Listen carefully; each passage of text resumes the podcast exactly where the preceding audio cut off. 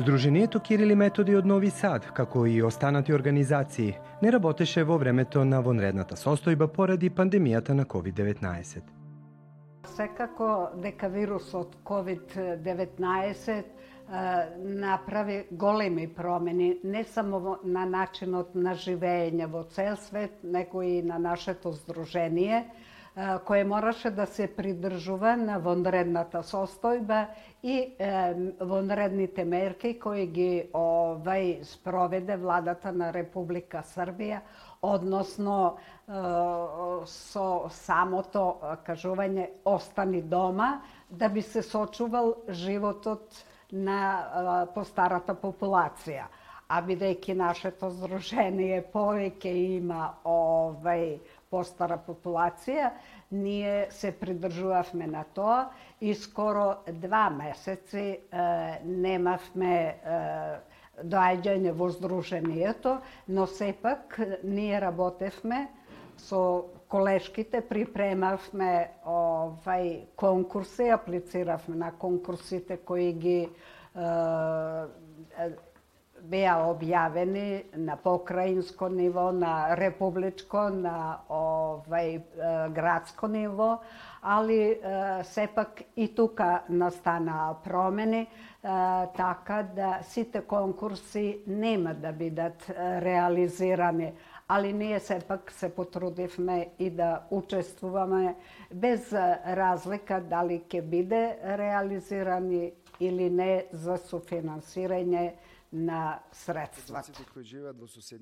Една од најзначајните манифестации во организација на оваа здружение, наречена Денови на македонската култура во Нови Сад, оваа година требаше да биде одржана во текот на месец мај, но поради вонредната состојба таа е одложена.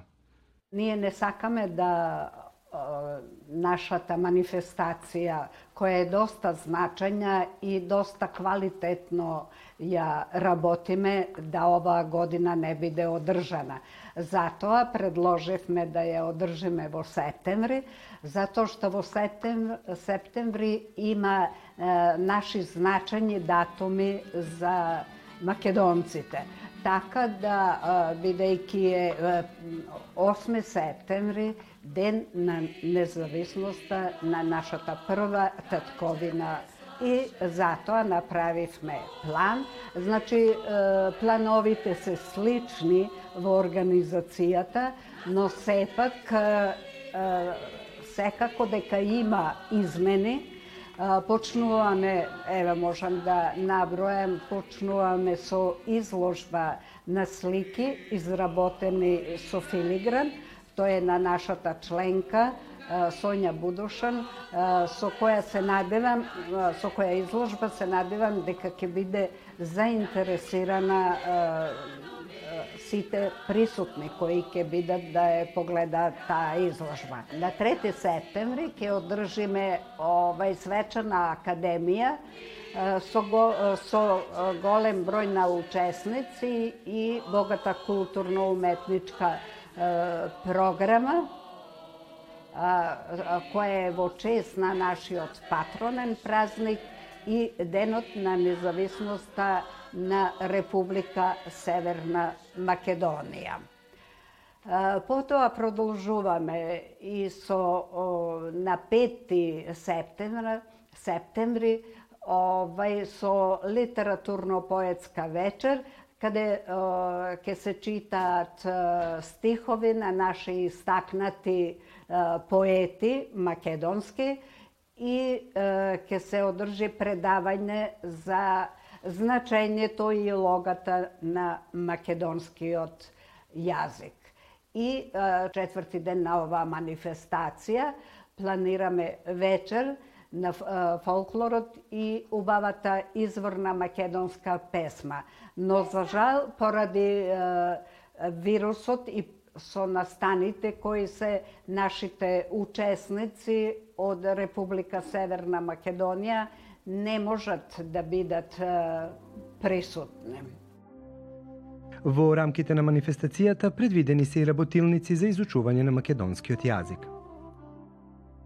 Предвидени се и е, работилници за македонски јазик. тука можат да, да бидат присутни, значи од 7 до 77 години.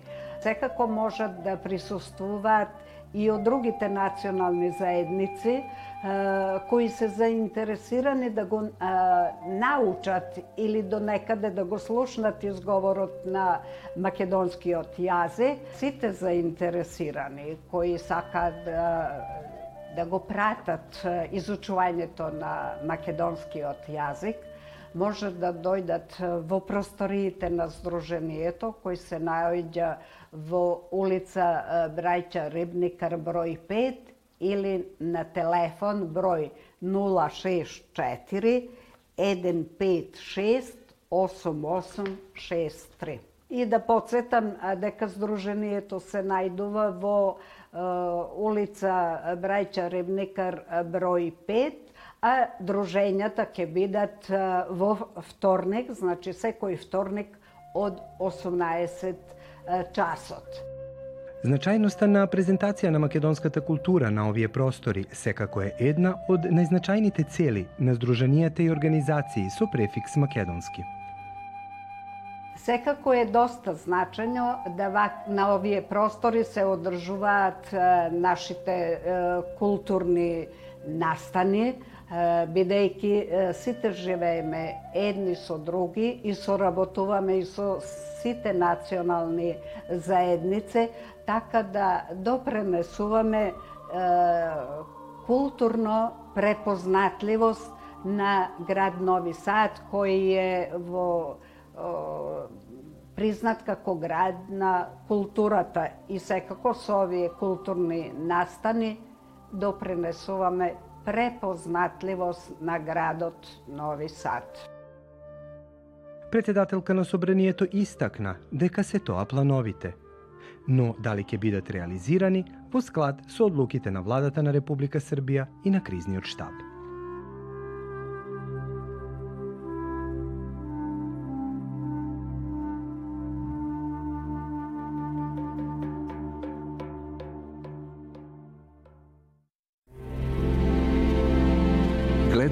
Paletu.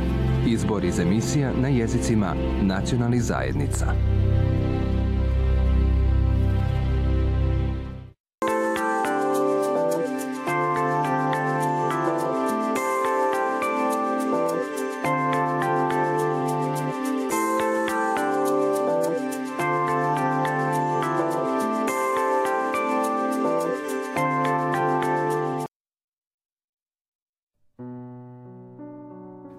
Петревски е роден во село Мренога, Демир Хисарско. Основното училиште го завршил во своето родно место, гимназија во Прилеп, а во Скопје студирал филолошки факултет на групата за југословенската книжевност. Во Скопје, во раната младешка возраст, дојдов да станам професионален фудбалер. Почнав во Прилеп, потоа дојдов овде во Скопје, во Вардар една повреда ме оддели од фудбалот. Но можам да ви кажам, да се пофалам дека се можев со топката да направам. И се разбира таа љубов никогаш не ме напушти до денес. А фудбалот си го внесов и во моите книги, посебно во трилогијата Споменка. Имам еден роман во три дела. Првиот дел е Споменка, вториот дел е Спомените за Споменка и третиот дел Сонот со Споменка. За вториот дел ја добив наградата Ванчо Николески за книга на годината, а за трите дела ја добив и наградата 13 ноември на град Скопје, но најголема е онаа награда што доаѓа од читателите. Тие ги читаат моите романи, трите дела за споменка, а првиот дел и во редовната лектира, но потоа на нивно барање се обработуваат и другите два дела.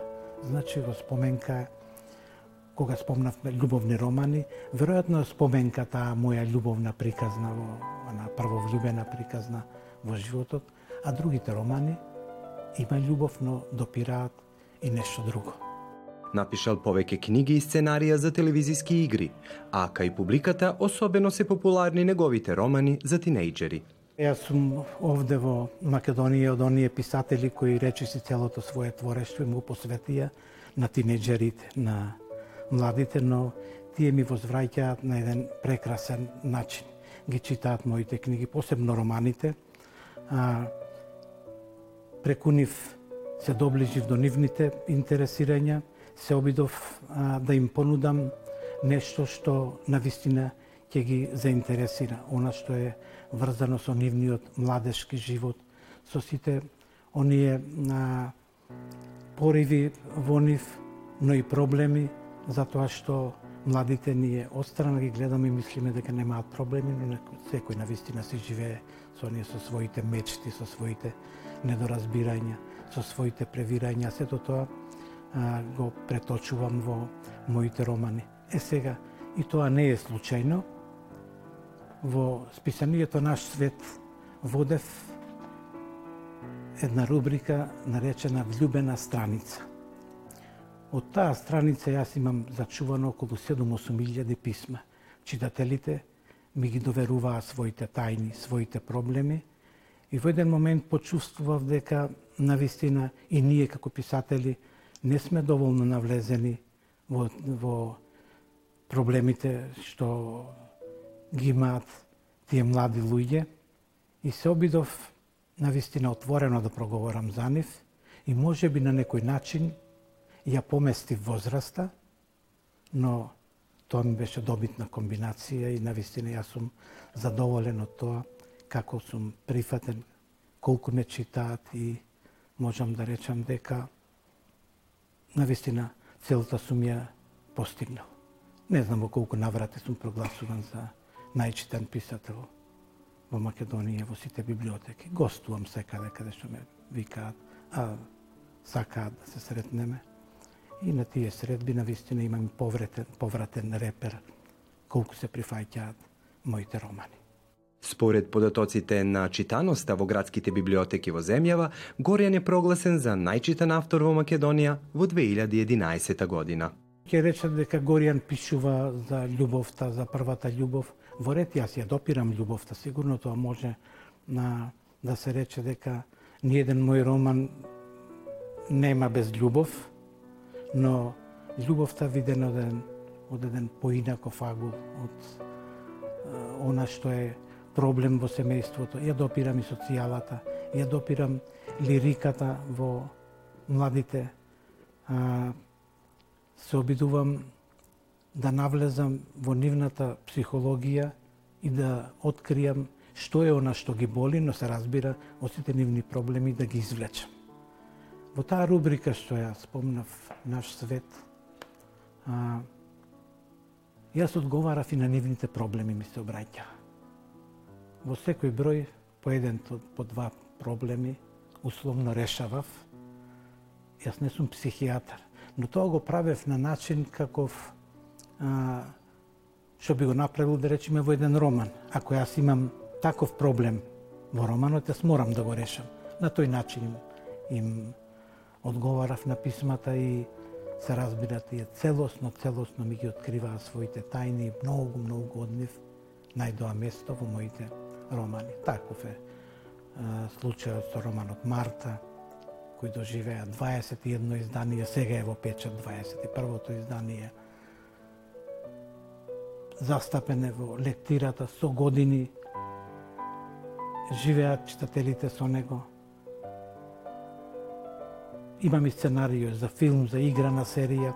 Сето тоа е врзано ете со мојата работа, со тој мој а, искрен приот кон таа читателска публика. Бил член на Советот на реномираното списание Весела свеска во Сараево во поранешната федерација, член на Советот на манифестацијата Курирче во Кичево и на детските рацинови средби во Велес. Инспирацијата е на секаде околу нас. Само треба да се погледне со поинакви очи, да се забележи се околу себе и се разбира да се седне да се пишува. Јас кога ќе седнам да работам на еден роман, јас не се измачувам. Едноставно мислата ми тече и сакам да ја завршам приказната. Јас живеам со таа приказна.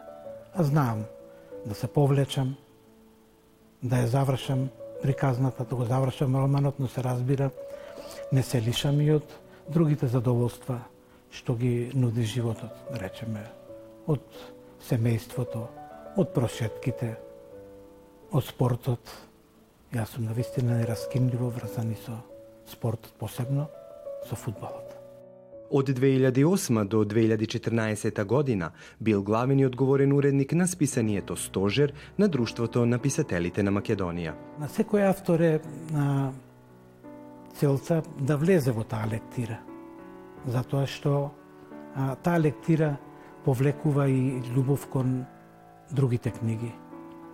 Да речеме, еве романот Марта, кој постојано се преиздава, е можност читателите, оние што го обработуваат како лектира и оние што може би помалку читаат, но ете Марта ги навлекува и на другите мои книги, на другите мои романи. И од тука а, лектирниот автор на вистина треба да биде задоволен ако ако книгата што е во влезена во лектирата му се чита, ја сакаат затоа што а, си е постигнало на цел што си е замислил. Но се разбира и одговорноста е до толку поголема. Има книги кои и во лектирата кои се здодевни, а со тоа авторот авторот му се враќа тоа може би како бумеранг. Читателите не простуваат. Поготово ние тинеджерите, младите читатели, за нив е нештата да се добри или лоши романот ако не им се допадне уште со првата страница го оставаат непрочитан. Затоа што еве, едноставно не знам дали може би трпеливоста е во прашање или или нешто друго, но јас се обидувам уште со првата страница да ги да ги вовлечам во приказната, да ги внесам во она што сакам да ми го соопштам. На пример, ете романот Марта го почнувам а, со реченицата «Мамо, кажи ми кој ми е татко». Е сега веднаш со првата реченица читателот веројатно ќе се сепне и веднаш ќе помисли дека овде нешто ќе се случува необично. Бијќи девојче, девојчето не го знае својот татко. И сите мои книги така ги почнувам. Не робувам, да речеме, на она теорија, ајде, воведот, па излагање, па заклучок, во ред теоријата, јас сум на вистина голем почитувач на науката на теоријата, но некои работи треба да се урнат на еден свој, на еден убав начин, за да ги привлечеш читателите. Горјан Петревски десетина години работел на документарната играна програма во редакцијата за деца и млади на Радио Телевизија Македонија. Да, десетина години работев во македонската телевизија на емисиите за деца. Тоа беа репортажи од животот на учениците, на основните училишта, на градинките, на предучилишните установи и воопшто на се она што се случуваш како активност во училиштата. А, потоа исто така работев на играната програма. Има многу сценарија за куклени, за играни серии кои во тоа време се гледа. А Бројот на тие емисии некаде по моја слободна проценка е околу 300, што не е мал број, но да бидам искрен, најмногу ми остана романите, книгите, оние што ги пишував сега, тие емисии стојат некаде во бункерот на македонската телевизија. Може би некои изгазени од времето, но во секој случај тоа ми е едно големо искуство – а, ја запознавав тогаш својата земја со тие мои репортажи, запознавав многу луѓе, но во тоа време сакав сепак да ме да ме препознаваат публиката, да ме препознаваат преку моите книги. А јас веќе во исто време и пишував книги. Го имав објавено романот споменка кој до, до, до ден денешен е хитка и читателите а тој роман излезе по по анонимен конкурс што го распиша Детска радост.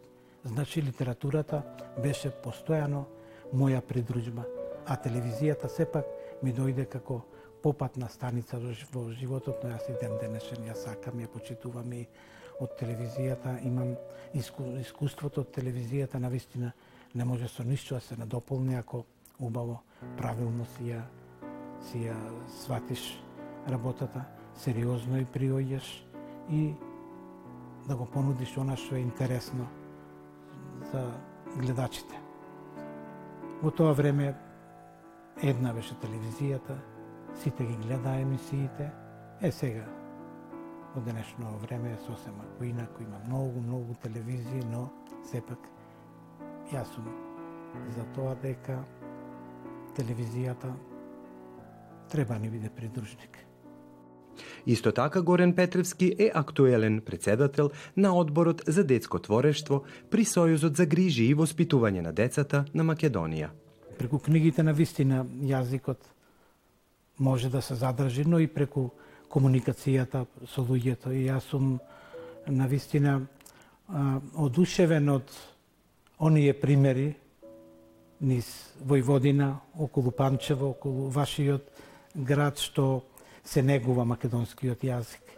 И на вистина би сакал да дојдам, да ги видам тие деца, затоа што сигурен сум дека дека може би ќе ги освојам со моите книги преку оние контакти, преку оние а, средби со нив кои на вистина се значајни за и за љубовта за јазикот. Ние ако се сретнеме, да речеме, јас од едната страна писател, од другата страна а, публиката, читателите и преку тие контакти на вистина се создава љубовта кон јазикот. А македонскиот јазик има посебна убавина, една посебна мелодичност и не е случајно што не се заборава, еве се негува и кај вас, јас со задоволство ќе прифатам некоја средба да гостувам таму и сакам да се сретнам со тие луѓе, со македонците, зашто нашава земја сепак е